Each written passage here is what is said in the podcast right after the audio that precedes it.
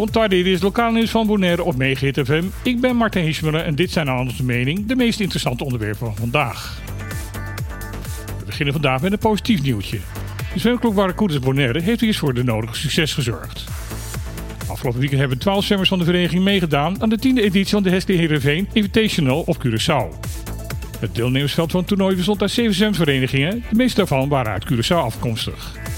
De deelnemers van Barracudas wisten tijdens de wedstrijddagen gezamenlijk 38 medailles binnen te halen. Bij elkaar een niet geringe prestatie. De coaches Anita Smit en Brigitte Verhoeven van de vereniging mogen dan ook trots terugkijken op dit geslaagde evenement. Voordat Bonaire op 10 oktober 2010 een onderdeel werd van de Nederlandse staat, was het heel gebruikelijk op het eiland om geld naar het buitenland te versturen via de zogenaamde Direct Money Transfer diensten. Een van de meest bekende bedrijven die deze service aanbiedt is het Amerikaanse Western Union. Maar ook MoneyGram International was een bedrijf dat in de tijd op Bonaire actief was. Het voordeel van deze dienst is dat de betaling vrijwel onmiddellijk na overmaking wordt bijgeschreven op de rekening van bestemming, waar dan ook op de wereld. Daarnaast is het met deze diensten mogelijk om geld over te maken zonder dat de verzender of ontvanger over een eigen bankrekening beschikt.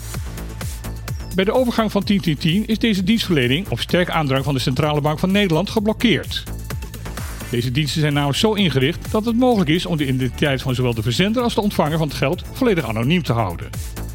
Om deze reden worden deze geldtransferdiensten dan ook heel veel gebruikt door internetoplichters en andere criminelen.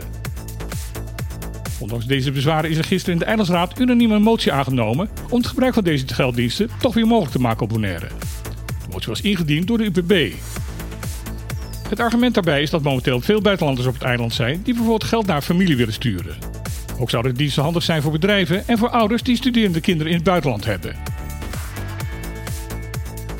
De BES-eilanden zijn op dit moment nog steeds onvoldoende voorbereid op grote rampen en crisis. Dit is de conclusie van de Inspectie Justitie en Veiligheid in een vandaag verschenen rapport. In 2017 deed de inspectie onderzoek nadat er in dat jaar drie orkanen de eilanden waren gepasseerd. Uit dat onderzoek kwam een flink aantal aanbevelingen. Afgelopen jaar heeft de inspectie onderzocht wat er met deze aanbevelingen is gedaan. Niet genoeg is nu de conclusie. De onderdelen die zijn onderzocht waren de robuustheid van de overheidsdiensten en organisaties, de kwaliteit van de samenwerking tussen deze diensten en de kwetsbaarheid van vervoer en verbindingen. Op al deze gebieden moet de inspectie constateren dat de ontwikkelingen achterblijven bij de noodzaak tot verbetering. Daarbij benadrukt de inspectie dat de dreiging voor een mogelijke ramp op alle drie de eilanden zeer reëel is. Tot slot werd door de dienst ook gekeken naar het nemen van verantwoordelijkheid voor de veranderingen en de aansturing daarvan. Daarbij constateert de inspectie dat de ministeries van Justitie en Veiligheid en die van Binnenlandse Zaken verschillen van inzicht en daardoor langs elkaar heen werken. De inspectie roept de betrokken ministers op om daar heel snel iets aan te gaan doen. Op 1 juli 2023 zullen naast premier Rutte ook de koning en koningin aanwezig zijn in het Oosterpark in Amsterdam om deel te nemen aan de nationale herdenking slavernijverleden. Dit is ook de dag waarop altijd traditioneel het Ketikotti-feest wordt gevierd.